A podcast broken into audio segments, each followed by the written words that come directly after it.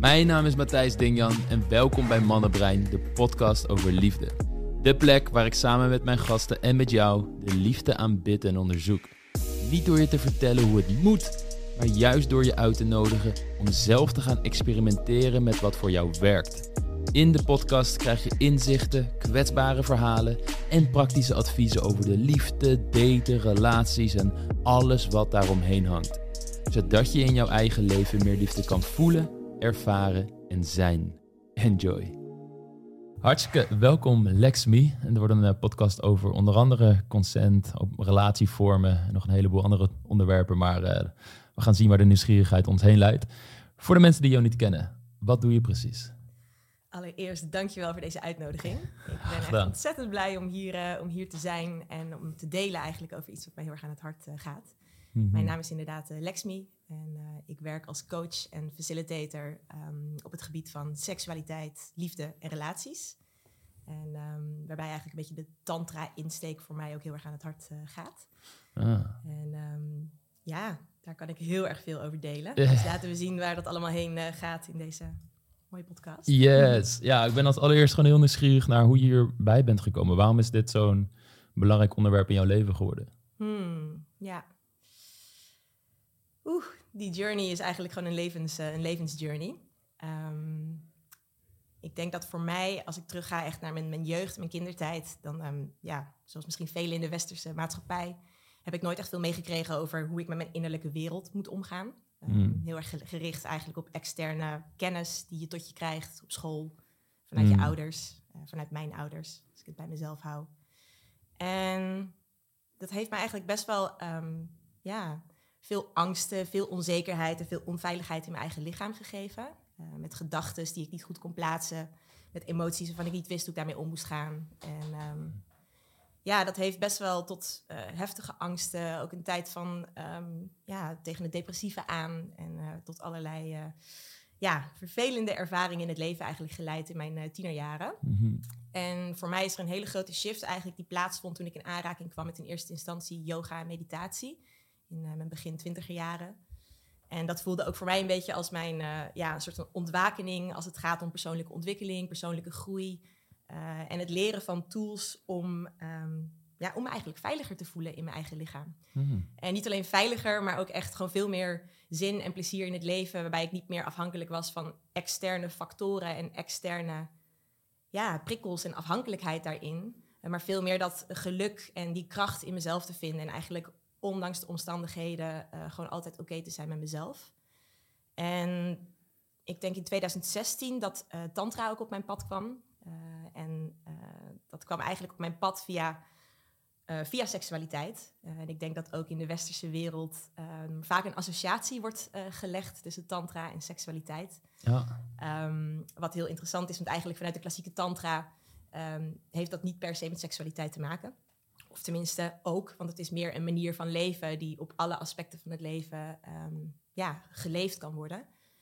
En in tantra heb ik eigenlijk, toen ik daar ja, mee in aanraking kwam en allerlei tools en practices en de filosofie erachter um, ja, tot mij nam in die reis, kwam ik erachter van hierin vind ik alles aan tools die mij kunnen helpen om echt in mijn kracht te staan en om juist die innerlijke wereld te, te begrijpen. En daar heb ik zo ontzettend veel aan gehad. En daar heb ik nog Hmm. steeds zo ontzettend veel aan. Uh, en dat is echt in de brede zin van het woord. Ik kan daar heel erg veel over delen.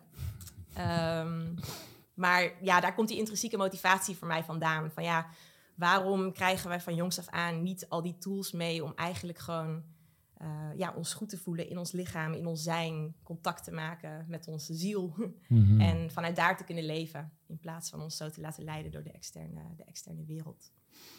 Kun je voor mij beschrijven toen je voor het eerst in, met meditatie en yoga in aanraking kwam en een veiligheid binnen in jezelf vo um, voelde, als ik het zo kan omschrijven? Mm -hmm wat gaf, jou, wat gaf yoga en meditatie jou dan exact? Wat voor mechanismes leerde je daar die je dus in de, het normale pad van de westerse samenleving niet had meegekregen?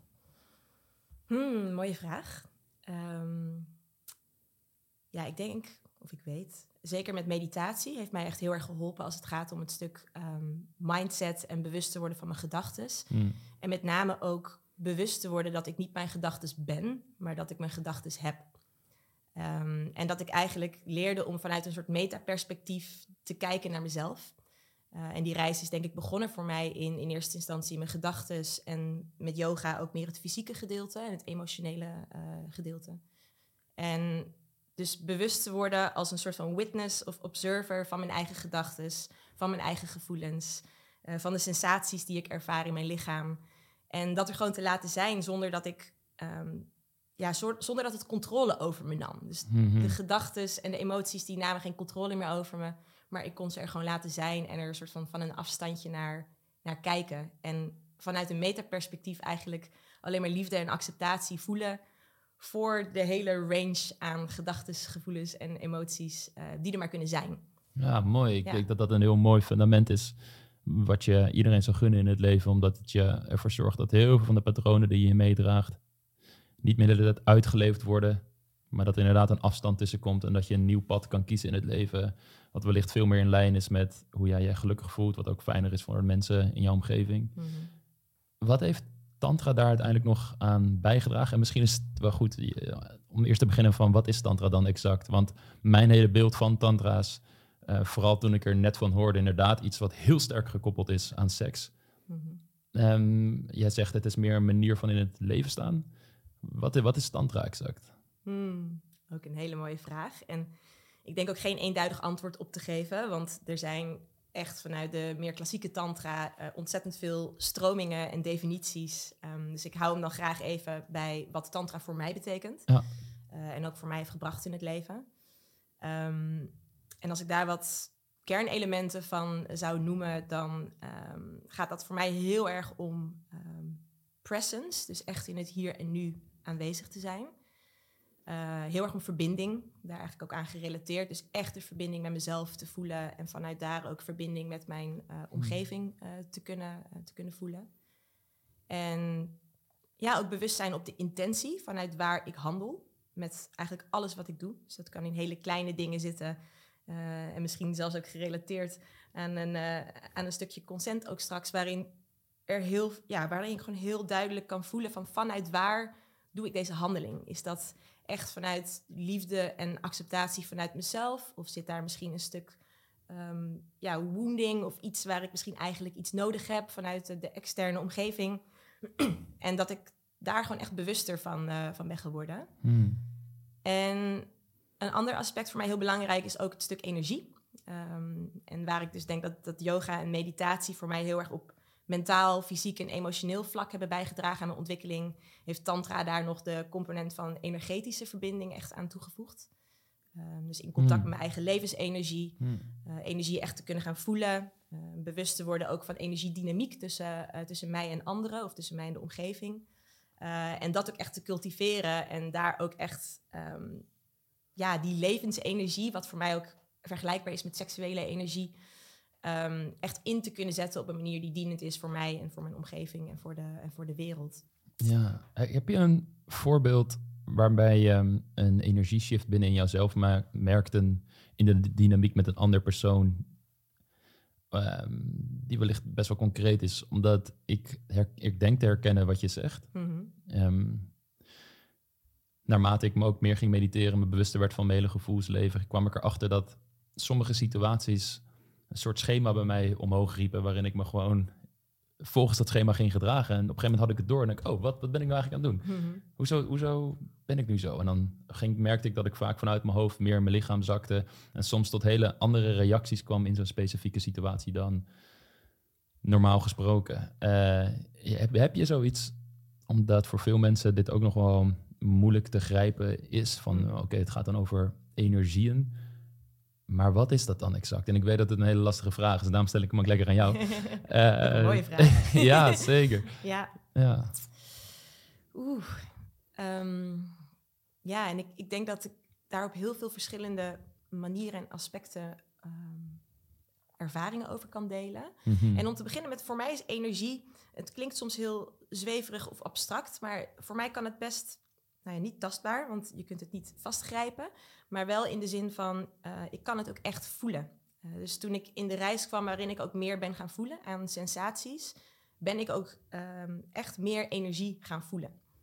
En ik weet nog dat ik eh, tien jaar geleden, als ik bepaalde practices of, of tools had waarbij je met energie werkte, was dat voor mij heel abstract. En had ik geen idee wat de bedoeling was of waar ik een oefening voor deed. Ehm, terwijl als ik die nu doe, dan, uh, dan voel ik daar ook echt meer mee. Mm. Um, dus dat kan alleen al gaan om de energie die ik in mijn lichaam voel en met ademhaling kan sturen en daarbij echt sensaties voel in mijn lichaam van de energie.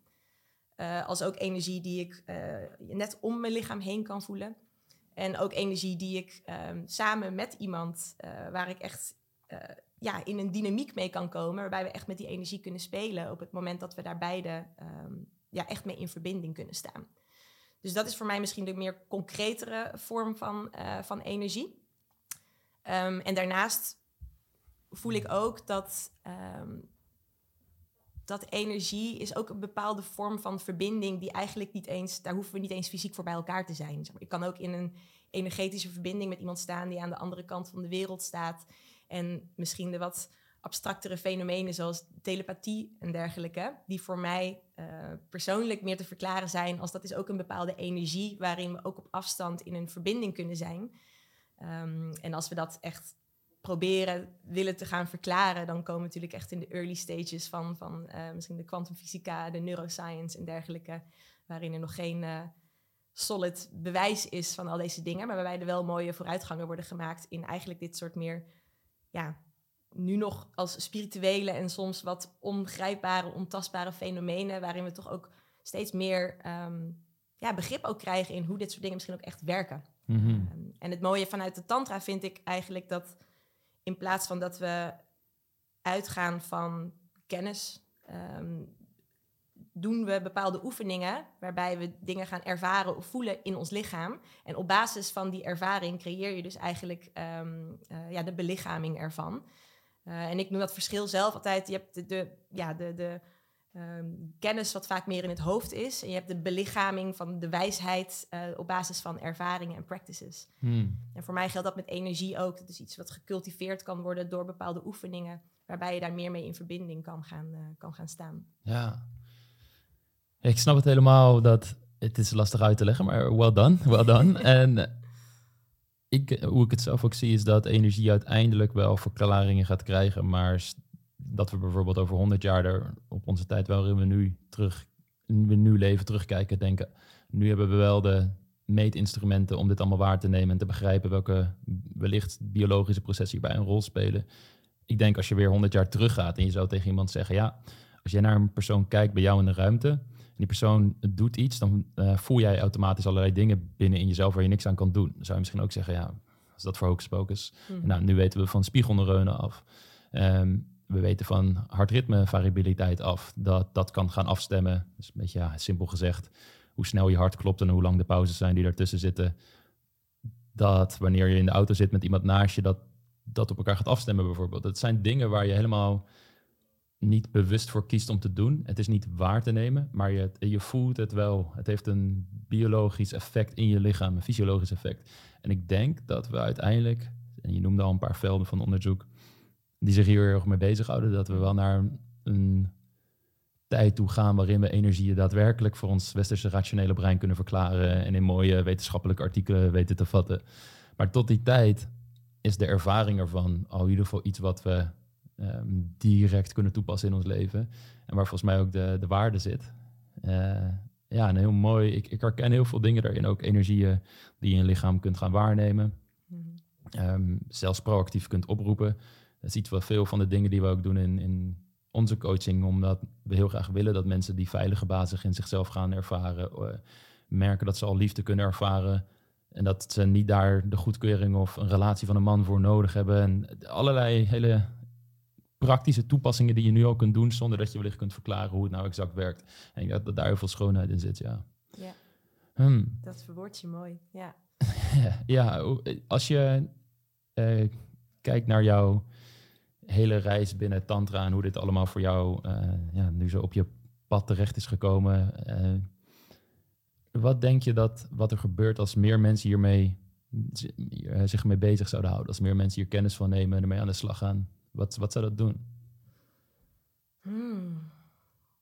ja, wat zou dat doen? Ehm, ik denk dat het ook al aan het gebeuren is. En nu ik meer in het veld zit, zie ik ook al hoe, hoe meer en meer hier, ehm, ja, hoe toegankelijker het eigenlijk wordt en hoe die wereld zich ehm, al meer en meer verspreidt.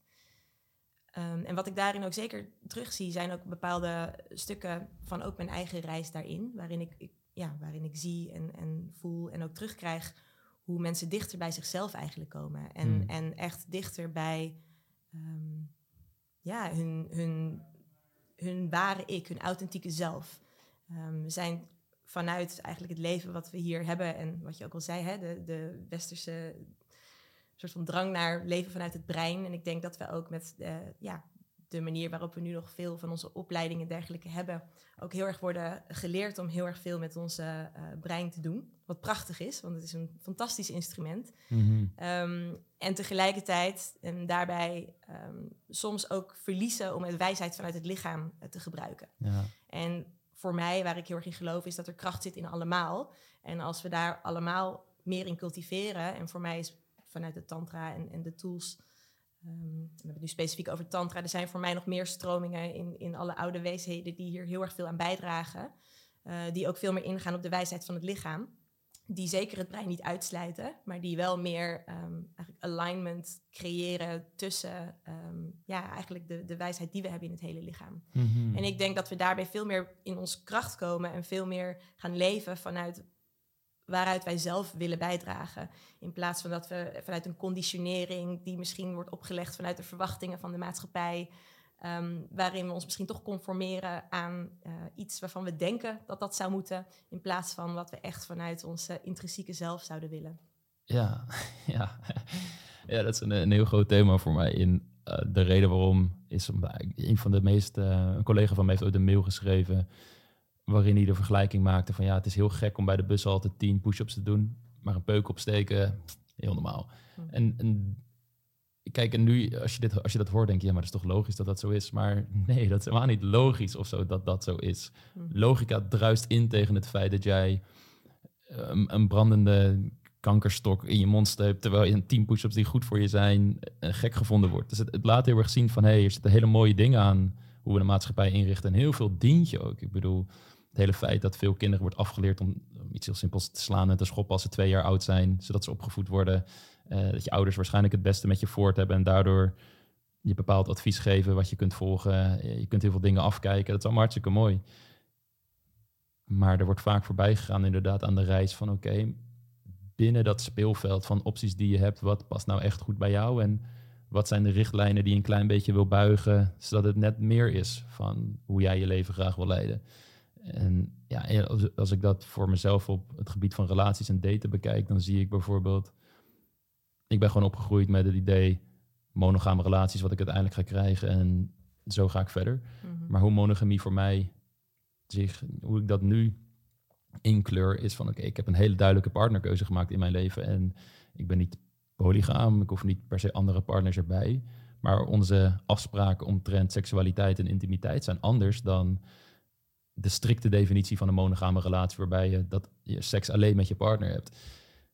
En ik denk dat dat heel goed werkt voor mij, maar het is niet iets wat ik promote als in this is the way. Hmm. En het gaat er veel meer om wat past bij je, wat past bij je partner, wat is de fase waar jullie in zitten. Dat kan ook nog veranderen. En zolang er een fundament is van het aan kunnen gaan van moeilijke gesprekken, waarvoor het nodig is dat je ook goed bij jezelf weet wat je behoeftes zijn, waarom je die behoeftes hebt daar ook weer niet heel dogmatisch in zijn. Want wellicht heb je jezelf iets aangepraat wat eigenlijk een behoefte is die in de realiteit veel minder belangrijk is. Mhm. Dat de, die hele conversatie een hele belangrijke conversatie is om veel meer mensen, en dan tussen aanhalingstekens, succesvol, succesvol te laten zijn in de liefde. Uh, want zelfs ja, prachtig. Ik, ik heb hier toevallig hiervoor een podcast opgenomen met uh, Jan Meindert. Iemand die ook vertelde van ja, het aangaan van die moeilijke gesprekken is een vaardigheid die wellicht 60 jaar geleden minder belangrijk was. Want er was een duidelijke rolverdeling. En bepaalde emotionele basisbehoeftes die nu heel belangrijk zijn in het, in het nou, ik denk sinds de afgelopen 10, 20 jaar. Dat die er toen wellicht ook wat minder toe deden. Het was gewoon vooral economisch goed. Hou je aan de richtlijnen van hoe je gewoon een goed leven moet leiden, ook volgens de mhm. kerk. En, en dat we nu veel meer vrijheid hebben om ons leven in te delen, maar dat dat het ook moeilijk kan maken. Want dan moet je ook weer weten, ja, wat wil ik dan echt en wat is van mij? Dus tools, zoals jij beschrijft, zoals tantra, om die bewustzijn bij jezelf te doen groeien. En dat ook nog eens in veilige communicatie over weten te brengen op de ander en daar weer voor openstaan. Ja, ik, denk, ik denk dat het zo magisch mooi iets is waar we als complete mensheid heel veel aan kunnen hebben. Hoe ziet dat eruit als we het wat meer praktisch maken? Je geeft bijvoorbeeld workshops. Uh, ik was zo straks nog naar de, de workshop met de Wheel of Content. Of content, consent. Een hele andere workshop wordt het anders. Ehm, maar uh, jullie geven volgens mij ook een soort evenementen, nou, noem het een soort kleine festivals. Uh, waarin tantra een belangrijke rol speelt. Mm -hmm. hoe, wat, is, wat is je, ja, hoe ziet dat eruit? Kan je dat inkleuren voor me? Zeker, dat kan ik zeker. en allereerst ook nog graag even inhakend. Echt prachtig wat je deelt en ook heel veel resonantie daarin. Um, in ook het stuk non-dogmatisch en waarbij er eigenlijk allerlei tools en practices um, worden aangereikt vanuit waar je dus echt je eigen waarheid kunt um, uh, of je eigen pad kunt gaan bewandelen. Dus dat, ja, dat belicht jij denk ik ook mooi in, uh, in ook hè, de reis in, in het exploreren hoe het gaat in de liefde. En tegelijkertijd de keuzestress die we misschien als onze generatie ervaren, juist omdat er zoveel mogelijk is. En hoe belangrijk het dan ook wordt om al die tools en practices te hebben, om er ook achter te komen van wat zijn dan de keuzes die ik wil maken in het, uh, in het leven. Ja, en terwijl je dit zegt, gelijk als kleine site, dan het wordt niet weer zo'n lange monoloog, beloof ik. Uh, het is ook oké om een, voor een keuze te gaan en toch nog een beetje twijfels te hebben. Je hoeft het niet, weet je, we hebben heel vaak quoteplaatjes van ik wil alleen iemand die 100% zeker weet dat ik de juiste ben. Ja, ga die maar vinden op het moment dat je nog een, elkaar een paar maanden kent. Dat weet je gewoon niet. Je. Die 100% gaat groeien op het moment dat je samen investeert in die relatie, samen creëert. Mhm. Dan groeit het geloof vaak. Maar goed, dat is een. Zijde, ja. Kunnen we ook denk ik een podcast over houden. Maar zeker, soms is juist het maken van de keuze, dat zorgt ervoor dat je weet ook of het überhaupt die keuze is, of misschien dan toch een andere keuze. Dus het maken van een keuze zorgt voor vooruitgang, omdat je vanuit daar ook weer weet van wat wordt de volgende stap. Dus ja. Weer een, ja, ja, mooi proces. Kunnen we ook nog uh, lang op ingaan. Maar om even terug te komen bij, jou, uh, bij jouw vraag. Um, over ook de evenementen die ik uh, organiseer. En vooral ook veel samen organiseer met mijn uh, partner in Magic, zoals we elkaar noemen, Denise. En um, ja, dat is een mooie reis uh, geweest en nog steeds aan het zijn. Nog begin van de reis. Um, en dat is eigenlijk begonnen met. We hebben elkaar leren kennen op de opleiding die we hebben gedaan tot Sex, Love en Relationship Coach bij een Tantra Instituut voor Geïntegreerde Seksualiteit. Hmm. En um, dat was een online, uh, online opleiding die in COVID-tijd perfect uitkwam. En waarbij wij elkaar echt heel erg goed hebben leren kennen door tien coaching sessies ook met elkaar uit te wisselen. En vanuit daar zijn we eigenlijk hele goede vriendinnen geworden. Uh, en hebben we samen nog een, uh, een training gedaan. Dat was een, een live training toen dat weer kon. Um, wat ook heel erg ja, een combinatie van spiritualiteit, tantra, shamanisme, seksualiteit ook heel erg veel tools om daarmee in je kracht komen te staan. En eigenlijk vanuit daar dat we op een gegeven moment naakt aan het dansen waren en dachten: waarom is dit niet iets wat we gewoon wekelijks kunnen doen? Gewoon lekker samen naakt dansen. Hmm. En toen kwam het idee eigenlijk van laten we een Naked Ecstatic Dance gaan organiseren. En ik weet niet, uh, ook voor de luisteraars, of, of ecstatic dance al een, een, een bekend concept Denk is. niet voor iedereen. Nee. Niet voor iedereen. Dus even ook in het kort. Ecstatic dance is eigenlijk een reis waarin, um, waarin er een paar um, guidelines zijn. Um, waarin er niet wordt gepraat. Uh, er geen, uh, geen drugs of alcohol of iets van geestverruimende middelen worden gebruikt. we allemaal op blote voeten zijn. Mm. En we echt gewoon een paar uur op een reis gaan waarbij het echt om de dans gaat. Of eigenlijk gewoon wat er op dat moment um, voor jou kloppend voelt. Als jij de hele reis in een zeester op de grond wil liggen, dan is dat ook oké. Alles kan wat voor jou op dat moment gewoon goed voelt. Um, zolang het met consent naar jezelf en naar de anderen met wie je eventueel ook in de interactie komt, uh, um, is. En zo zijn we eigenlijk begonnen en dat was een enorm succes. En zowel de Naked Ecstatic Dance als ook het co-creëren met elkaar. Dus dat is toen in snelle tijd heel erg uh, ja, een enorme uh, vlucht samen aan het nemen. Um, en eigenlijk de tweede events die we zijn, zijn gaan organiseren, dat zijn tempels.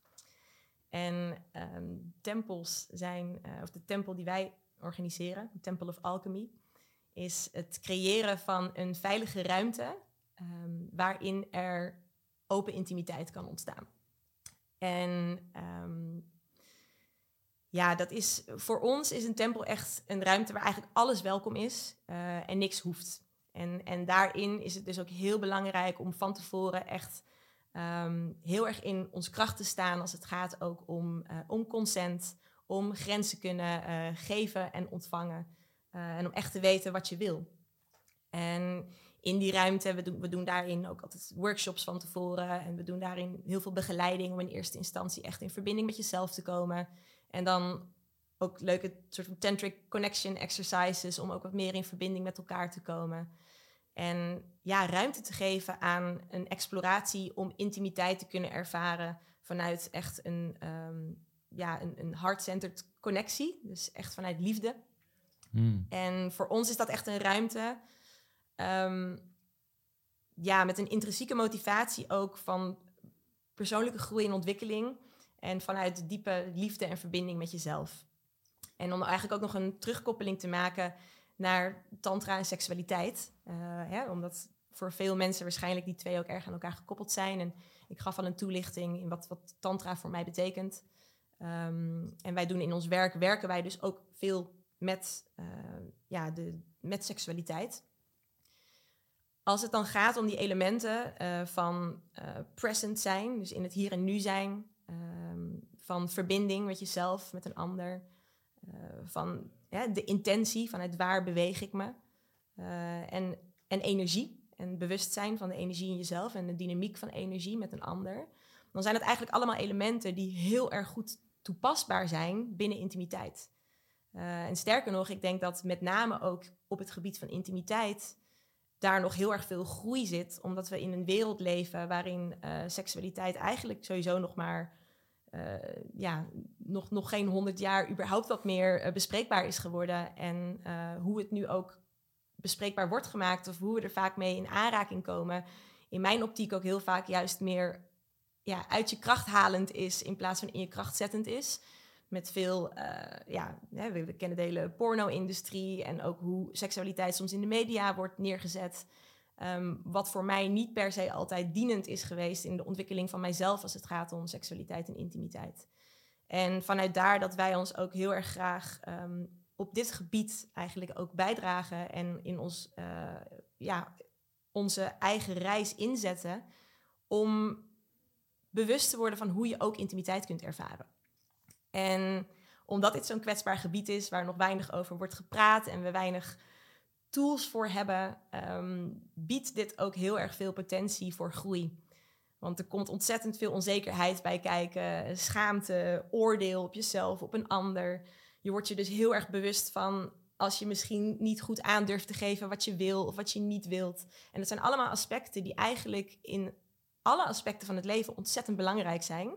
Uh, en binnen het gebied van seksualiteit en intimiteit, waar je er nog makkelijker mee geconfronteerd wordt. Hmm. Ehm, en dat is ook wat wij dus heel interessant vinden om ook echt in dit veld te werken en settings te creëren die ontzettend veilig zijn. En mensen ook echt de tools te geven om zelfs in zo'n kwetsbaar veld je echt in je kracht te gaan voelen. Om te voelen van oké, ehm, wat wil ik op dit moment? Wat voelt kloppend? En durf ik me uit te spreken in wat zijn mijn verlangens? Wat zijn mijn grenzen? Uh, en als je je uiteindelijk in zo'n veld veilig en vrij kunt voelen, dan geloof ik dat je dat in je hele leven overal kunt toepassen. En dat dat mhm. ontzettend bevrijdend en bekrachtigend kan zijn. Ja, want je creëert een veld waarin mensen spanning voelen, er overtuiging over zichzelf en anderen en de dynamiek tussen hen en anderen naar boven komen. Bepaalde angsten wellicht die ze hebben, misschien zelfs negatieve ervaringen uit het verleden, die allemaal daar omhoog komen. Dus het is een triggerende situatie. Mhm. Maar juist daardoor is het een hele mooie situatie, omdat je daar dus in kunt werken. Wellicht zelfs dingen bij jezelf kunt loslaten.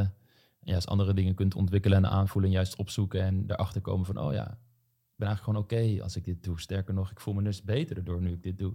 Dus ik denk dat dat het juist opzoeken van de ongemakkelijkheid voor veel mensen om met dit soort onderwerpen bezig te zijn een hele krachtige manier is. Uh, ook weer om mensen inderdaad meer in hun kracht te zetten en, en een hele hoop ellende, potentiële ellende te voorkomen. Ik, ik weet nog de eerste keer in mijn leven dat ik hier echt mee bezig was, mm, was toen ik rond ik 18 was. ja, ik was 18 ongeveer. En ik had een vriendin. We vonden elkaar absoluut hartstikke leuk. Maar alleen al over seks praten was... Je bent ook nog jong, hè, dus je moet sowieso alles nog leren. Maar dat, we konden het allebei niet. En we wilden wel bepaalde dingen. Maar het kwam er niet altijd helemaal uit. En na die relatie heb ik daar echt over nagedacht. Van oké, maar wat zijn dan de ongemakkelijkheden in mijzelf... waardoor ik dit niet durf aan te gaan? Wat, wat houdt mij daar in tegen? En toen ben ik daar heel erg voor mezelf mee aan de slag, te, aan de slag gegaan. Ook door een stukje bewustwording wat er door die relatie wel omheen was gekomen. En dan vervolgens het juiste gaan opzoeken om te zien van oké, wat, wat doet het allemaal met me? Eh, maar daarin merkte ik van oh, maar er zijn ook binnen het hele frame van tools die mij aangereikt worden, is het niet altijd toereikend. Omdat op het gebied van consent bijvoorbeeld is er tegenwoordig heel veel gelukkig eh, informatie, maar het is, het is meestal vanuit een negatief iets, namelijk grensoverschrijdend gedrag, waarbij mensen overduidelijk te ver zijn gegaan. Mhm. Of wanneer iemand, iemand nee zegt en iemand gaat toch door. Ja, dat zijn een soort van de situaties. Iedereen snapt dat dat not done is. En, die, en, en een groot merendeel van de mensen zal niet bewust voor zo'n situatie kiezen of dat gedrag laten zien. Mhm.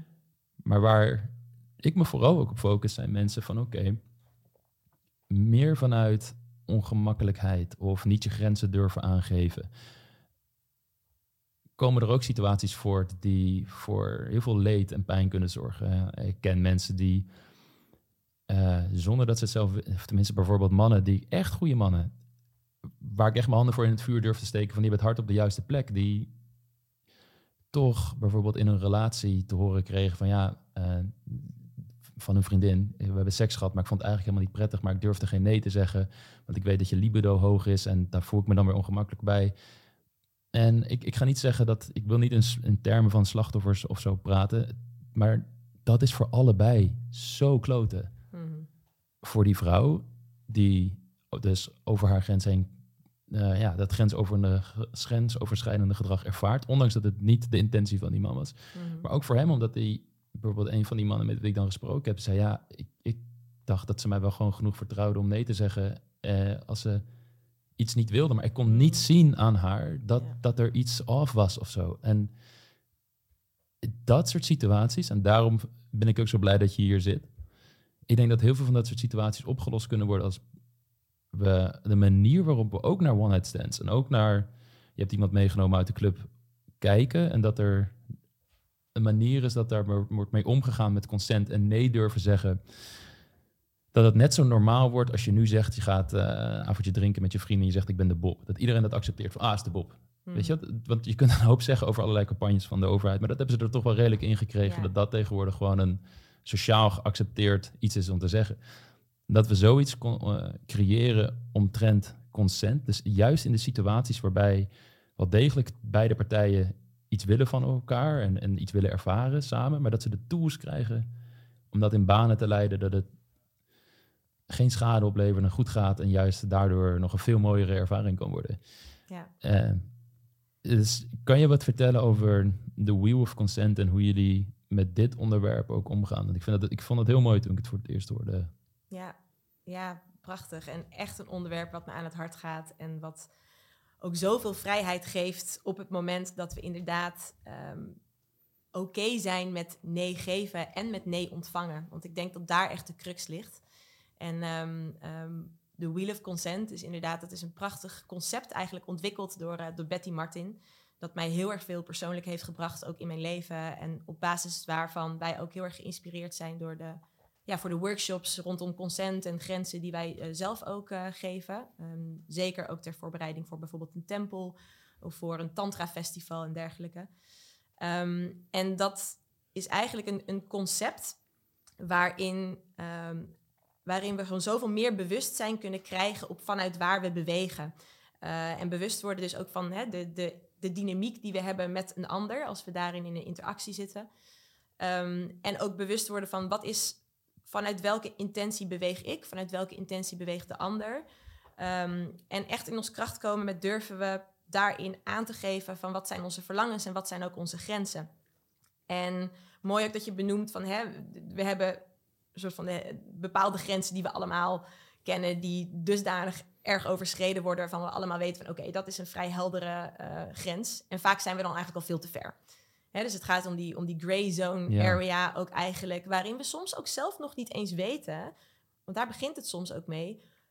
Soms weten we zelf nog niet eens of het voor onszelf al een grens is of Hmm. niet. Laat staan dat we die kunnen communiceren, laat staan dat de ander dat Ja. kan aanvoelen. Eh, en daar begint het dus ook al mee. Met dat we zelf verantwoordelijkheid ehm, leren gaan nemen over ehm, ja, bewust te worden van wat zijn eigenlijk mijn grenzen. Mhm. Eh, en heel vaak weten we dat ook niet. Het is, het, hè, het is op het moment dat we echt een nee voelen, kan het al een uitdaging zijn om die nee ook daadwerkelijk te geven. Maar dan hebben we ook nog die hele gray zone, waarin we misschien nog niet eens heel sterk die nee voelen, maar eigenlijk nu ook niet die ja voelen. En hoe ga je daar dan weer mee om? Ja. Dus er zijn daarin heel veel aspecten eigenlijk om, om, eh, om op in te gaan.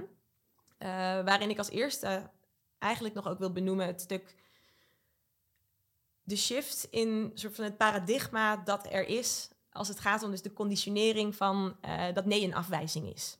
Mhm. Ik denk dat het begint met dat we echt gaan, niet alleen met ons hoofd ons gaan realiseren, maar uiteindelijk ook echt met ons lichaam kunnen gaan voelen dat als we nee geven of als we een nee ontvangen, dat we daar eigenlijk dankbaar voor mogen zijn. En dat we dat mogen vieren met elkaar, omdat we daarmee echt een veiligheid creëren voor elkaar. Waarin er nog veel meer te exploreren valt. En waarin vooral al die yeses, die ja's die er zijn, wel tot uiting kunnen komen. En daar zit denk ik al een, eigenlijk een heel fundamenteel stuk waarin het geven van een nee is vaak heel lastig, omdat we bang zijn dat de ander zich afgewezen voelt. Ja. En waarbij we dus eigenlijk verantwoordelijkheid gaan nemen voor potentieel het gevoel wat we dan bij de ander creëren. En dan dus geen nee durven zeggen. Terwijl eigenlijk zeggen we geen nee, laten we over ons grens heen gaan. Gaat die ander daarmee dus ook over jouw grens? Wat eigenlijk misschien nog veel vervelender is, zowel voor die ander als voor jouzelf. En dat is met ons hoofd misschien te begrijpen. Alhoewel ook dat misschien heel nieuw kan zijn voor, eh, voor een hoop mensen. Maar om dat ook echt zo te gaan voelen in ons lichaam, dat we daar, eh, ja, dat we daar echt oké mee zijn om die nee te geven en om die nee te ontvangen. En natuurlijk doet dat af en toe pijn en Ja. voel je een verkramping. En, maar om daar weer oké mee te zijn en bewust te zijn van dat we daarmee wel echt een veld creëren waarin we samen gewoon heel vrij kunnen, eh, eh, kunnen bewegen, exploreren, intiem kunnen zijn, ehm, is denk ik een heel belangrijk eh, fundament daarin. En wat voor mij daarin het concept ook van de Wheel of Consent. ehm, ik zal proberen even in het kort daar een toelichting op te geven. Het is eigenlijk. De Wheel of Consent is dus een concept door Betty Martin ontwikkeld. waarin ehm, we eigenlijk in een interactie met elkaar. ehm, kun je eigenlijk twee vragen stellen. Ehm, eentje is wie is degene die, die iets doet. Hè, als we het eventjes bijvoorbeeld hebben over een aanraking. Stel dat wij in een, een fysieke interactie met elkaar komen. Dan, kun je, dan is er één iemand die bijvoorbeeld de aanraking doet. En de ander bij wie die aanraking wordt gedaan. En je kunt je ook, je kunt je ook afvragen voor wie is dit ehm, een geschenk? Wie, wie ontvangt hier eigenlijk een, een geschenk? Dus stel dat ik eh, bijvoorbeeld een massage aan jou zou geven en ik doe dat echt eh, voor jou, omdat jij dat graag wilt, dan ben ik degene die iets doet ehm, en jij bent degene die daarbij iets, eh, een cadeau ontvangt. Mhm.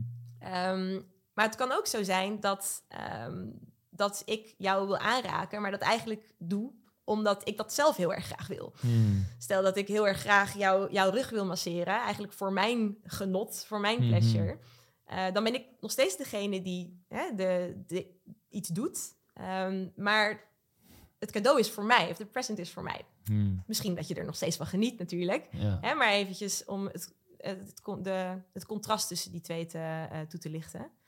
Eh, en daarbij heb je dus de dynamiek van de ander, waarbij eh, in het eerste geval, als ik een massage geef en het is echt voor jou, want jij hebt daarom gevraagd en jij wil graag een massage, ehm, dan ben jij degene die dat eh, eigenlijk aanneemt of accepteert.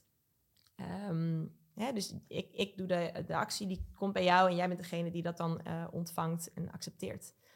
Maar het kan ook zo zijn dat als ik aan jou heb gevraagd om jou een massage te geven, omdat ik dat graag wil, dat jij dat toestaat.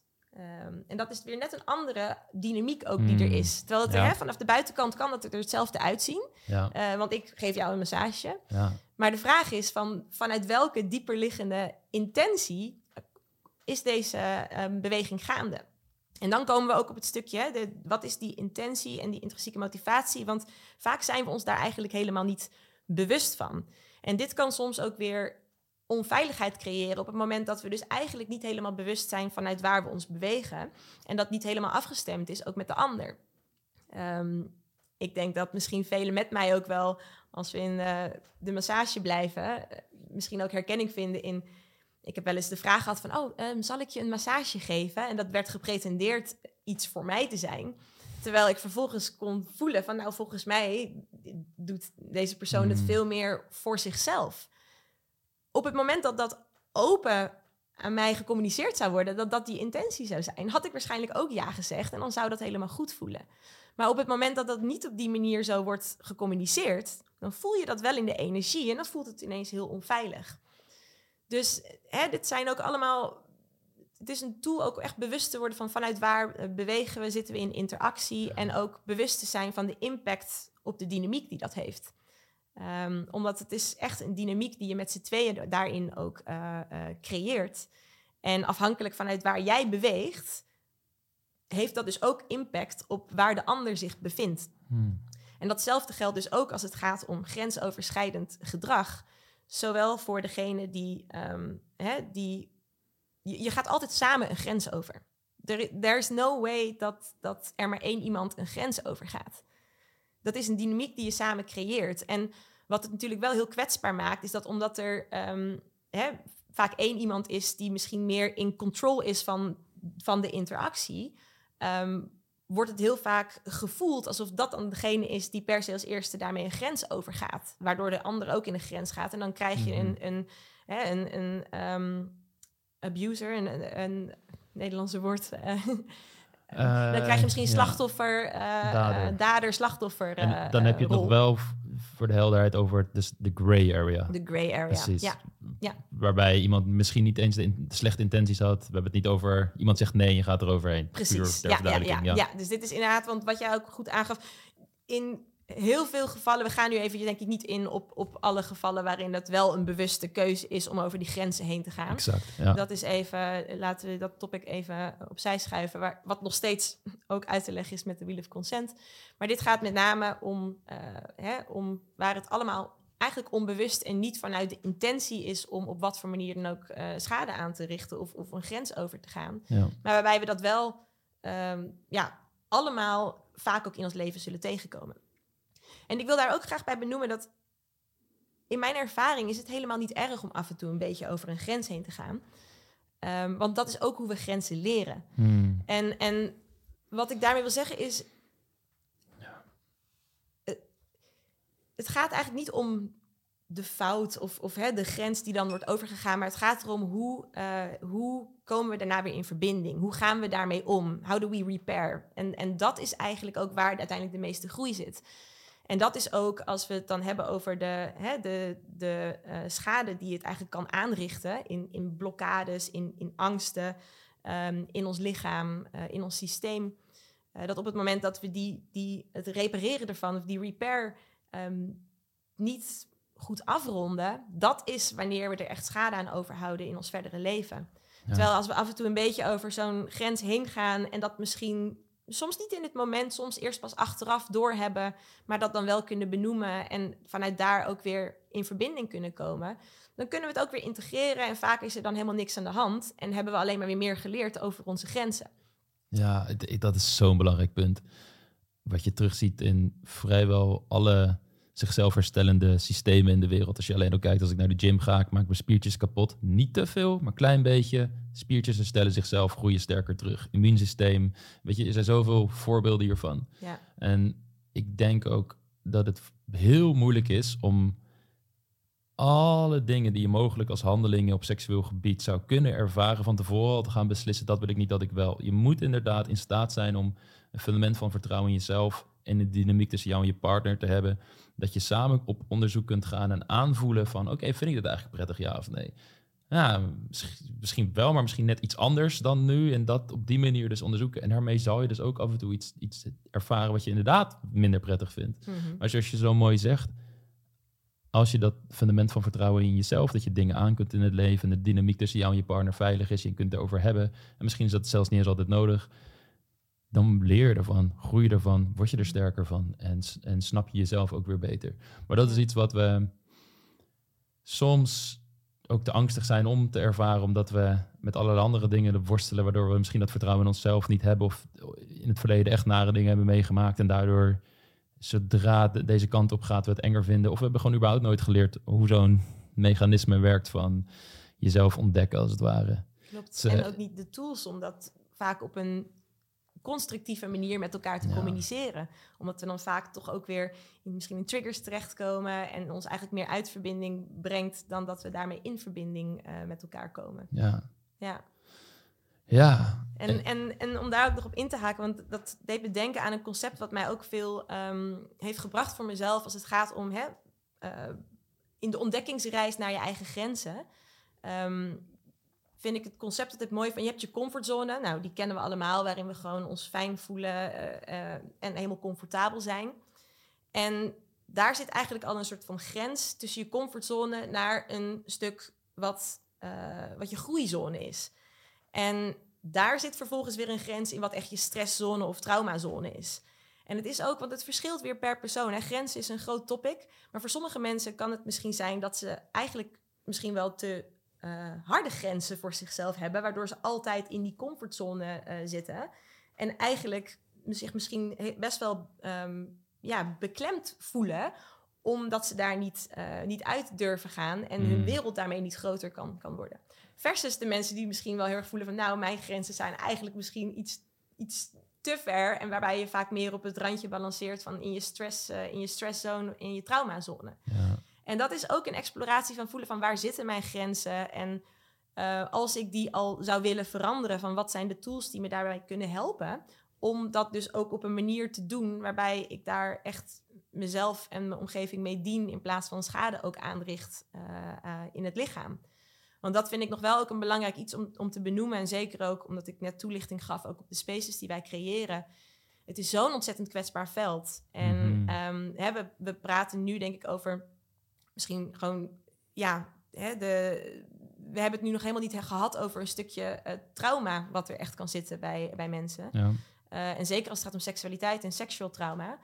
Ehm, en bedoel ik trauma in een veel bredere zin van het woord, want veel mensen denken bij trauma echt aan een groot event of gebeurtenis waarvan iedereen soort van het erover eens is van nou dat is een traumatische gebeurtenis. Eh, maar er zijn heel veel vormen van trauma. We hebben allemaal bepaalde vormen van trauma in ons zitten. Soms door eh, ja, developmental of ontwikkelingstrauma die we gedurende het leven, door al die kleine, misschien grensoverschrijdende gebeurtenissen die we hebben, waar we misschien in het dagelijks leven niet bewust last van denken te hebben, maar die dan wel als blokkades toch in ons lichaam of in ons systeem als conditionering kunnen zitten, waarin we dus soms getriggerd worden. En dan Mhm. eigenlijk niet weten waar dat vandaan komt. En dat is, ja, vind ik ook een mooie en een belangrijke ook om bewust van te zijn, want dat kan heel erg kan helpen met ook de groei daarin, ehm, ja, om eigenlijk die blokkades te bevrijden en veel meer hierin te kunnen, te kunnen groeien. Hmm. Wat, wat zijn praktische tools die je mensen meegeeft om dit te onderzoeken? Oeh. Ehm, ja, een hele hoop. Dat is, er, is geen, er is geen makkelijke soort van, oh, als je dit doet dan. Nee, Eh, geen vijfstappenplan, ja. Het is echt een, een, een levensreis. Ehm, en dat begint, ik denk dat eigenlijk de kern van alles is, het begint met ehm, echt present zijn. Want alleen maar op het moment dat je echt in het hier en nu kunt zijn, kun je ook gaan voelen in het moment in wat er daadwerkelijk gaande is. En dat is al iets wat voor veel mensen echt eigenlijk heel erg lastig is. Om echt in het hier en nu ehm, bewust in je lichaam te zijn en echt te kunnen voelen wat er gaande is. En daar zijn natuurlijk ontzettend veel eh, tools ook voor, onder andere ehm, meditatie en yoga en dergelijke, die kunnen helpen met, ehm, Ja. ja, met dus niet continu afgeleid zijn met gedachten over toekomst of verleden. En ook echt meer te voelen in het lichaam en bewust te worden van de hele subtiele sensaties. Er zit zoveel wijsheid in het lichaam. Maar ja, voor mij tien jaar geleden, ik had geen idee als ik een bodyscan deed en dingen moest voelen in mijn lichaam. Dat was abracadabra. Ja. Terwijl nu kan ik aan de sensaties van mijn lichaam al voelen van, oh, dit, dit, dit is een ja, of dit is een nee, of dit is een misschien.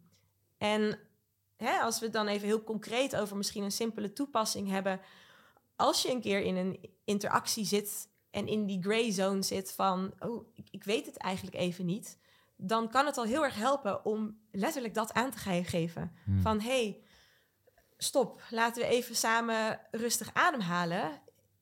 Ik voel even dat er een contractie is, dat er een verkramping is. Ik weet even niet zo goed wat. Ik heb even behoefte aan een slowdown. En dan heb je de ruimte om ook te voelen wat er daadwerkelijk gaande is, voor je vervolgens weer verder beweegt. Mhm. Uh, maar dat vinden we soms wel spannend om, hè, om de flow te onderbreken of iets dergelijks. Ja. Um, maar dat creëert wel, als we daar echt mm, comfortabeler mee worden en samen ook gaan ervaren, dat het eigenlijk juist veel meer veiligheid geeft. En daarmee ook weer veel meer vrijheid geeft om dus wel volop te kunnen exploreren en, en uh, eigenlijk nog veel meer te gaan onderzoeken en ervaren. Ja, ja dat is prachtig. Dat, is dat kan ik iedereen aanraden. ja. ja. Dat is het lastige ook aan in het hier en nu zijn en niet in het verleden of de toekomst. Dat meestal wanneer zoiets gezegd wordt, hoor ik mensen uh, zeggen van uh, ja, nee, dat valt bij mij allemaal wel mee. Maar dat komt volgens mij omdat ze ook een te letterlijke voorstelling van maken van wat het betekent om in het verleden of in de toekomst te zijn. Alsof, alsof letterlijk toekomst als soort concept door je hoofd gaat. Maar het zijn natuurlijk hele sneaky gedachten die voor jou in dat moment helemaal niet als raar gevonden worden, want dat is gewoon hoe jij denkt. Maar ga er eens een keer op letten waar je mee bezig bent. Want waar je misschien achter komt, sommige mensen die ik coach, is bijvoorbeeld wat nu als de ander dit raar vindt? Oh, gaan ze hem nog wel leuk vinden hierna? Of, waardoor het ook al jouw hele aandacht weghaalt van het moment en wat je gewoon eigenlijk prettig vindt en wat je wilt creëren in dat moment. Ga dat soort, want het is voor iedereen heel persoonlijk natuurlijk wat, je, wat de gedachten zijn die je weghalen uit het hier en nu en in het verleden of in de toekomst stoppen. Maar daar bewustzijn omheen creëren. En soms is dat niet in het moment zelf dat je je aantekeningen blokje erbij haalt. Van nou, het gaat er nu allemaal door mijn hoofd. Maar dat je gewoon achteraf gaat reflecteren, teruggaat naar de situatie van nou, waar was ik eigenlijk mee bezig? Dat kan heel interessant zijn. Uh, om hier meer bewustzijn omheen te creëren. En dan de tools aan te leren van oké, hoe laat ik dat inderdaad meer los? En hoe ben ik dan meer in dat moment? En hoe shift ik soms misschien ook mijn focus? Van dat oude verhaal wat op kan komen, waar ik mezelf dan niet meer in verlies, naar wat zijn mijn behoeftes op dit moment? Wat vind ik mooi? Hoe kan ik meer plezier creëren? Mhm. Mm -hmm. Waardoor je veel meer in lijn gaat leven met die authenticiteit waar je het ook over had. Ja. Ik denk dat dat een, uh, een hele mooie is al. Ja. Ja. ja, en dat ik gun dat iedereen om dat op zo'n manier te kunnen ervaren. Dat hè, in, een, in een simpel voorbeeld met in het hier en nu zijn, in, in bijvoorbeeld een liefdevolle aanraking. Voor, de, voor degene die dat ontvangt, is het al zo'n verschil om te voelen dat iemand echt met liefdevolle, bewuste aandacht in de aanraking zit. Versus dat je misschien denkt, oh, wat zal de ander hiervan vinden? Of in gedachten zit, of misschien beweegt vanuit een onzekerheid of angst. En tuurlijk hebben we dat allemaal wel eens. Ik wil niet zeggen dat dat niet goed zou zijn, maar het is zo, het is zo fijn om daar bewust van te worden. En dus met elkaar een space te creëren waarin we ons dus veiliger voelen. En waarin we dus meer echt in het hier en nu kunnen zijn. En vanuit een intrinsieke motivatie van echte liefdevolle aandacht in die verbinding met elkaar kunnen komen. Ja. Want de aanraking kan er vanuit, uh, hè, kan er vanuit een afstandje exact hetzelfde uitzien. Maar de beleving en de ervaring kan zo compleet verschillend zijn, afhankelijk met wat voor gevoel, met wat voor aandacht en met wat voor ja, bewustzijn in het hier en nu we in deze aanraking zitten. Ja, mooi dat je zegt ook, het is niet fout als er gedachten of gevoelens omhoog komen die je uit het hier en nu halen. Het gaat er juist om dat het gaat, waarschijnlijk zelfs gaat gebeuren dat dat omhoog komt en dat je ermee om kunt gaan. We zijn mens, Ja. natuurlijk gebeurt dat. En dat Ja. is juist het mooie, want dat biedt weer, het bewust worden daarvan, biedt weer potentie voor, hé, hey, waar komt dat vandaan? En Ja. hoe, hoe kan ik daar vervolgens weer mee omgaan? Dat zijn allemaal stukjes voor potentie, voor groei, als je dat zou willen. En dat vind ik juist zo'n mooie reis van ja, het bewustzijn wat je daar dan ook in hebt en ook het werk wat, wat ik dus doe. ehm, gaat juist om bewust te worden van al die triggers die we allemaal hebben. En die we waarschijnlijk ons leven lang op wat voor manier dan ook zullen hebben. Maar waar we Mhm. wel ook in kunnen groeien en van kunnen leren om ons steeds vrijer te voelen. Om steeds meer liefde te kunnen geven en ontvangen. En om echt meer te gaan voelen. Ja. Ik moest, ik moest denken ook aan eh, hoe, hoe de eigen ervaring die ik heb als mijn vriendin iets aangeeft dat ze niet, iets niet prettig vindt. En niet altijd, niet eens in woorden. Soms gewoon in een, in een fysiek iets, eh, mijn hand weghalen bijvoorbeeld. Wat op dat moment meestal een reactie geeft. Gewoon binnenin me. Ik kan er niks aan doen. Het komt gewoon. zoep. Maar dan bijvoorbeeld door releases die ik dan zelf ook beoefen. Gewoon dat als een energie zien, dat uit mijn lichaam laten stromen. Dus niet in weerstand gaan. En altijd het hoogste goed voor ons beiden in gedachten houden van oké, maar het gaat erom dat we hier samen gewoon een mooi moment hebben. We zijn aan het on- ontdekken en aan het aanvoelen. En zolang we afgestemd op elkaar blijven, dan vallen concepten als goed en fout weg. Dat, dat is er dan. Dat speelt niet echt meer op dat moment, want je bent gewoon samen bezig en aan het genieten. Ja, maar dat is inderdaad wel iets wat je, wat je moet leren. Ja. Ik, ik zie dat we bijna op een uur zitten. En ik wil toch ook nog naar het onderwerp toe. Omdat ik het heel interessant vind van open relaties, polygamie. En ik ben eigenlijk gewoon heel erg benieuwd naar wat ten eerste jouw reis daarin is geweest. Want je beschrijft van. Ik, ik neem aan dat als je die periode beschrijft dat je nog niet met meditatie, yoga bezig was. Wellicht ook nog. Dus minder met dit soort onderwerpen zoals tantra en wat wil ik nou eigenlijk zelf bezig was. Hoe zag jouw relatiebeeld, jouw relatieblauwdruk er op dat moment uit? Wat dacht je over de liefde? Ja, mooie, mooie vraag ook. Een leuk bruggetje, want met wat jij net deelde, had ik ook al een, een bruggetje naar eh, het meer eh, polyamoreuze leven wat ik ondertussen eh, leid. Ehm, en ik heb inderdaad, ja, is daar best wel een shift in gaande geweest in de afgelopen jaren. Ehm, ik ben wel altijd al heel ehm, open-minded geweest als het gaat om de mogelijkheden die er zijn. Maar ik heb wel in eerste instantie zelf monogame relaties ook gehad. En op dat moment voelde dat voor mij ook kloppend. Dat was ook, ik heb niet een behoefte gehad eh, in die relaties om daarnaast ook nog met anderen eh, in intieme contact te zijn. Dus dat was voor mij ook gewoon eh, een vorm die heel erg kloppend was in dat moment. Ehm, en ja, voor mij is ook toen in 2016 Tantra meer op mijn pad kwam, is eigenlijk ook tegelijkertijd die exploratie ook meer begonnen naar, oh, wat voor relatiestructuren Hmm. zijn er eigenlijk nog meer? En ehm, wil ik die misschien ook gaan onderzoeken? Ehm, vooral ook door allerlei inzichten en bewustwordingen die ik ook vanuit mezelf had. Ehm, en ook me echt meer in mijn kracht ging voelen om ook op een eh, andere manier te, te relateren omdat ik minder behoefte had aan een bepaalde veiligheidsstructuur. Ehm, en daarmee voor mezelf meer ruimte kon ervaren om eh, ja, de, de liefde die ik eigenlijk altijd al voelde voor, ehm, voor meerdere mensen. eh, niet alleen de liefde te kunnen laten doorstromen, maar daar ook mm, potentieel meer naar te kunnen, ehm, te kunnen leven en te kunnen handelen. En eh, het is heel grappig, ik, ik had het er van de week ook over dat ik me bewust werd van, oh, op de basisschool had ik in groep 3, 4, 5, 6 heb ik, had ik drie vriendjes steeds omste de beurt. En eigenlijk kon ik niet kiezen, want ik vond ze alle drie heel leuk. En ik moest daar nu aan denken van, oh, waarschijnlijk zat het wel al in mijn hele leven. Een soort van, die, de- ja, polyamorie is letterlijk en meerdere liefdes. Dus het, het voelen van liefde voor meerdere mensen. Hmm. Ehm, en ja, hè, er is ook, ook hierin is het lastig om daar echt één betekenis aan te geven. Wat, wat betekent het voor mij en, en hoe leef ik daarnaar is ook nog een ongoing journey.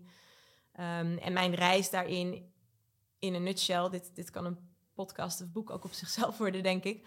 Ehm, maar is ook ja, eigenlijk vanuit een monogame relatie eh, eerst het meer eh, open, het, beetje open relateren. Eerst nog in de veilige containers. Ik creëerde toen ook al tempel settings waar ik dan met mijn eh, partner van destijds dan samen heen ging. Waarbij we dan samen in de space waren en ook continu met elkaar konden inchecken en consent konden vragen aan elkaar. Voor als we ook ehm, intimiteit met anderen daarin ehm, ervaarden. Hmm. En uiteindelijk is die reis toen verder gegaan dat we gewoon echt een open relatie hadden. En eh, uiteindelijk zijn wij nu wel uit elkaar. Het was ook voor hem, ehm, we waren daarin fundamenteel uiteindelijk ook anders dat voor hem. hij voelt wel echt liefde voor één persoon en, en is meer van het open relateren om ook intimiteit met anderen te kunnen eh, ervaren. Waar voor mij mijn reis echt is dat ehm, ik ben eigenlijk nooit bijvoorbeeld van de one night stands geweest. Voor mij gaat intimiteit altijd samen en dat er ook een liefdesverbinding is. Uh, of een diepere hartverbinding. Uh, en voor mij is die reis dus heel erg geworden van ja, ik voel liefde voor verschillende mensen, uh, verschillende zielen. Het kunnen mannen en vrouwen zijn. Um, ja, die elkaar ook helemaal niet in de weg staan. En waarin ik gewoon die vrijheid kan en wil voelen dat ik, um, waar op dat moment die flow van energie naartoe gaat, dat ik daar dan ook naar kan, uh, kan handelen. Hmm. En die echte awakening, het is voor mij echt een awakening geweest, dat ik me polyamoreus voel. Dat is eigenlijk nu nog geen jaar geleden. Um, bij het lezen van een boek. Um, More Than Two, A Practical Guide to Ethical Polyamory. Uh, en het vervolg daarop van Polysecure.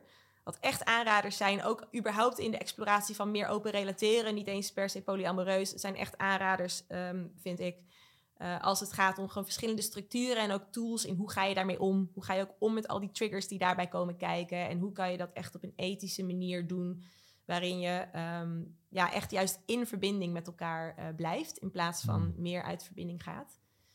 Um, en dat is ook een hele mooie reis geweest die ik met mijn ex-partner heb gehad, waarin we eigenlijk voelden dat met de verbindingen die we met anderen hadden, hoe dat ook voor ons constructief kon zijn in de manier waarop we daar vervolgens met elkaar mee omgingen. Hmm. Um, en daar moest ik ook net aan denken in, in ook wat jij deelde over um, hè, bepaalde triggers die je misschien uh, kunt ervaren of voelen. En wat voor mij daarin ook heel erg heeft geholpen, is het stuk um, de fysieke sensaties uh, loskoppelen van de emoties, loskoppelen van de gedachten. En dat is daarin is ook weer het stukje bewustzijn in het hier en nu zo belangrijk. Want wat er vaak in een split second kan gebeuren, is dat we voelen iets en we hebben daar dan meteen um, een heel verhaal bij. Uh, en dan blijven we vervolgens eigenlijk vastzitten in dat verhaal, waardoor het uh, uren, dagen, heel lang kan duren dat we vastzitten in iets wat ons bijvoorbeeld een verkramping geeft. Terwijl op het moment dat je bij die fysieke sensaties blijft en niet meteen, hè, er zullen gedachten opkomen, maar niet meteen er een verhaal van maakt uh, en je daarin laat meesleuren, kwam ik er eigenlijk achter dat, um, dat het maar heel kort duurt en het daarna vaak weer helemaal oké is. En dat maakte ook het, het, ja, het meer polyamoreus kunnen leven um, heel mooi om te voelen van, oh, hè, met mijn uh, ex-partner, als hij een hele mooie intieme date had gehad met een andere vrouw, dan als hij dat deelde, kon ik misschien een contractie voelen. En kon ik ook in het moment zeggen, oh, ik voel een verkramping in, uh, in mijn, mijn hart of in mijn borst. Um, en daar dan gewoon present mee zijn. En hem ook, hij gaf mij dan ook de space van, oké, okay, wat heb je nodig? Wil je een knuffel?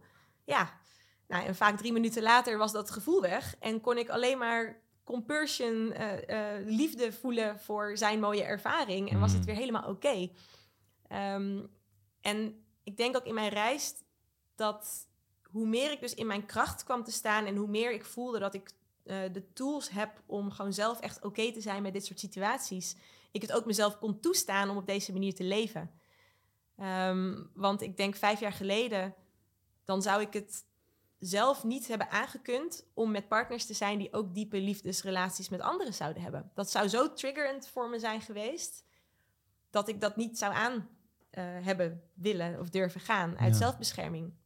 En ik denk dat dat ook dus geleidelijk met die persoonlijke ontwikkelingsreis en met die exploratie daarin, um, ja, dat ik me daar nu gewoon helemaal oké mee voel. En dat de liefdespartners die ik nu ook heb, die ook polyamoreus relateren en weer andere partners hebben, en we vaak niet eens meer getriggerd zijn, maar we echt vanuit liefde elkaar alles kunnen, kunnen gunnen. En het verbazingwekkend genoeg eigenlijk misschien nog wel meer veiligheid geeft um, dan een monogame relatie. Omdat er geen, um, voor mijn ervaring natuurlijk, hè, dat is voor iedereen anders, maar omdat het geen um, competitie meer heeft. Er, is niet, er is geen competitie, want het gaat alleen maar om de verbinding tussen mij en de ander. En dat er daarnaast ook andere verbindingen zijn dat zijn andere stralen van de zon van liefde, die elkaar helemaal niet in de weg zitten. Hmm. En dat vind ik echt wel een prachtige reis om zo te, te ervaren. Dat er gewoon echt vrije liefde kan stromen en dat we elkaar daarin ja, alleen maar kunnen supporten en, en, en aanmoedigen. Hmm. Ja, die veiligheidsstructuur die een monogame relatie in de traditionele beschrijving kan bieden. Van oké, wij kiezen voor elkaar en spreken niet met anderen af. En daardoor hebben we de bevestiging als het ware dat het goed zit tussen ons die bevestiging dat het goed zit tussen elkaar ga je niet meer halen uit het feit inderdaad dat je niet met anderen spreekt of afspreekt of dingen deelt, intimiteit ervaart. Dus wat wordt dan dat fundament als het ware? Mhm. En in, in heel veel monogame relaties is dat fundament denk ik ook aanwezig, namelijk de absolute toewijding aan elkaar, je gedachten uitspreken naar elkaar. En, maar je kiest er gewoon voor om een monogame relatie te, te hebben. Maar de reden dat ik het aanhaal is dat ik dat heel erg herken dat ik me heel veilig voel in mijn relatie. Juist omdat zelfs als ik gevoelens zou ontwikkelen voor iemand anders, verliefd zou worden op iemand anders, in plaats van dat dat hele verhaal in het geheim zich gaat ontvouwen, hebben we een fundament van vertrouwen waarbij we het al in de kiem smoren. En misschien hoeft het helemaal niet eens gesmoord te worden, maar dat we er in ieder geval over kunnen spreken in openheid, zonder dat het de relatie bedreigt, omdat we elke dag voor elkaar kiezen, de liefde uiten, de commitment uiten, naar elkaar uitspreken van hé, hey, als er dingen gebeuren, dan, dan gaan we daar samen naar kijken.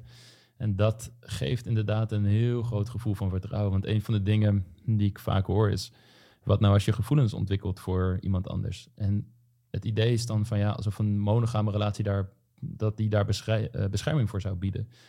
Maar dat zit helemaal niet in de afspraken die je maakt omtrent je seksualiteit en intimiteit of je die met anderen mag delen. Want dagelijks krijg ik berichten van mensen die verliefd zijn op, geworden op iemand anders, Mhm. terwijl ze in een monogame relatie zitten. Dus wat zegt dat? Nou ja, het draait veel meer om dat fundament dat eronder zit. Van hoe is in de kern, ziet je relatie eruit? Wat zijn de Mhm. principes waar jullie op bouwen? Ja. En wanneer dat goed zit, maakt het niet heel veel uit of je nou in een monogame of polygame of open relatie, wat het termpje ook is, dat het je doorplakt. Want het gaat om die diepere principes. En vanuit daar creëer je de invulling in het meer pragmatische, hoe je dan op dagelijks leven met elkaar omgaat. En dat fluctueert gigantisch. Ja. Terwijl die diepere communicatieprincipes volgens mij veel meer stabiel zijn over een langere periode. Ja. ja, mooi dat je dat benoemt. En, en ik resoneer daar ook heel erg mee. We gebruiken nu hè, bepaalde labels eh, die soms heel praktisch zijn om Ja. een beetje een onderscheid te kunnen aanduiden. Eh, waarin ook absoluut geen goed of fout naar mijn gevoel is in, in wat het is. Het is een, ook daarin een persoonlijke ontdekkingstocht van wat is een structuur die voor mij past in dit moment. Want Ja. ook dat kan anders zijn. Ja, Toen ik monogame relaties had, was ik ontzettend gelukkig. En ik geloof er ook oprecht in dat op dat moment dat voor mij kloppend was. ja, En het feit dat ik nu heel erg eh, floreer in mijn polyamoreuze levensstijl, betekent niet dat dat voor mij de rest van mijn leven op deze manier zo zal zijn.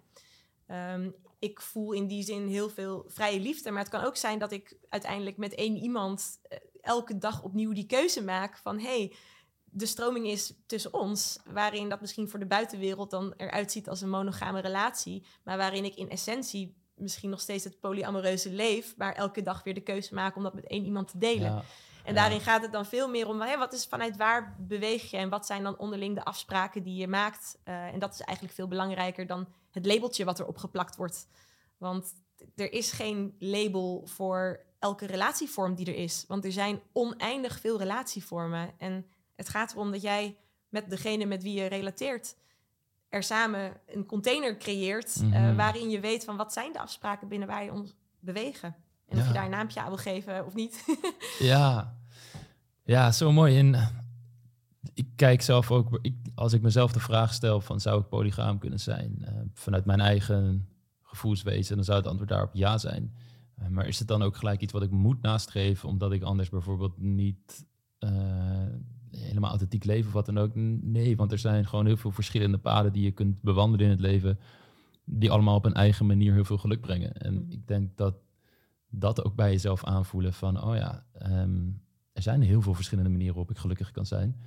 Ook weer heel veel rust brengt, als ik voor mezelf spreek, omdat ik kan mensen tegenkomen met wie ik potentie een prachtige relatie zou kunnen hebben, die andere karakteristieken van mijn persoonlijkheid, eigenschappen van mijn persoonlijkheid naar boven halen, eh, die mijn vriendin misschien weer minder doet en andersom. Maar de keuze elke dag voor mijn vriendin en de gedeelde geschiedenis Mhm. hoe we op elkaar in zijn gespeeld, alles wat we al samen hebben meegemaakt en hoe mooi ik de toekomst voor ons zie, is zo'n belangrijk goed dat je dan heel makkelijk eh, dat andere kunt zien voor wat het is. Het niet in discrediet hoeft te brengen van nee, dat is minder waard, want Mhm. nog steeds echt met je volle hart kunt zeggen, dat is prachtig, maar het is niet mijn keuze. Ja. Eh, en, en dat geeft gewoon heel veel rust ook voor mezelf, omdat alle sensaties die door me heen gaan als ik iemand ontmoet, met wie ik me, die misschien iets bij mij losmaakt, dat mag er dan ook zijn. Dat is Ja. oké. En dat betekent niet dat ik in een verkeerde relatie zit of dat ik iets mis.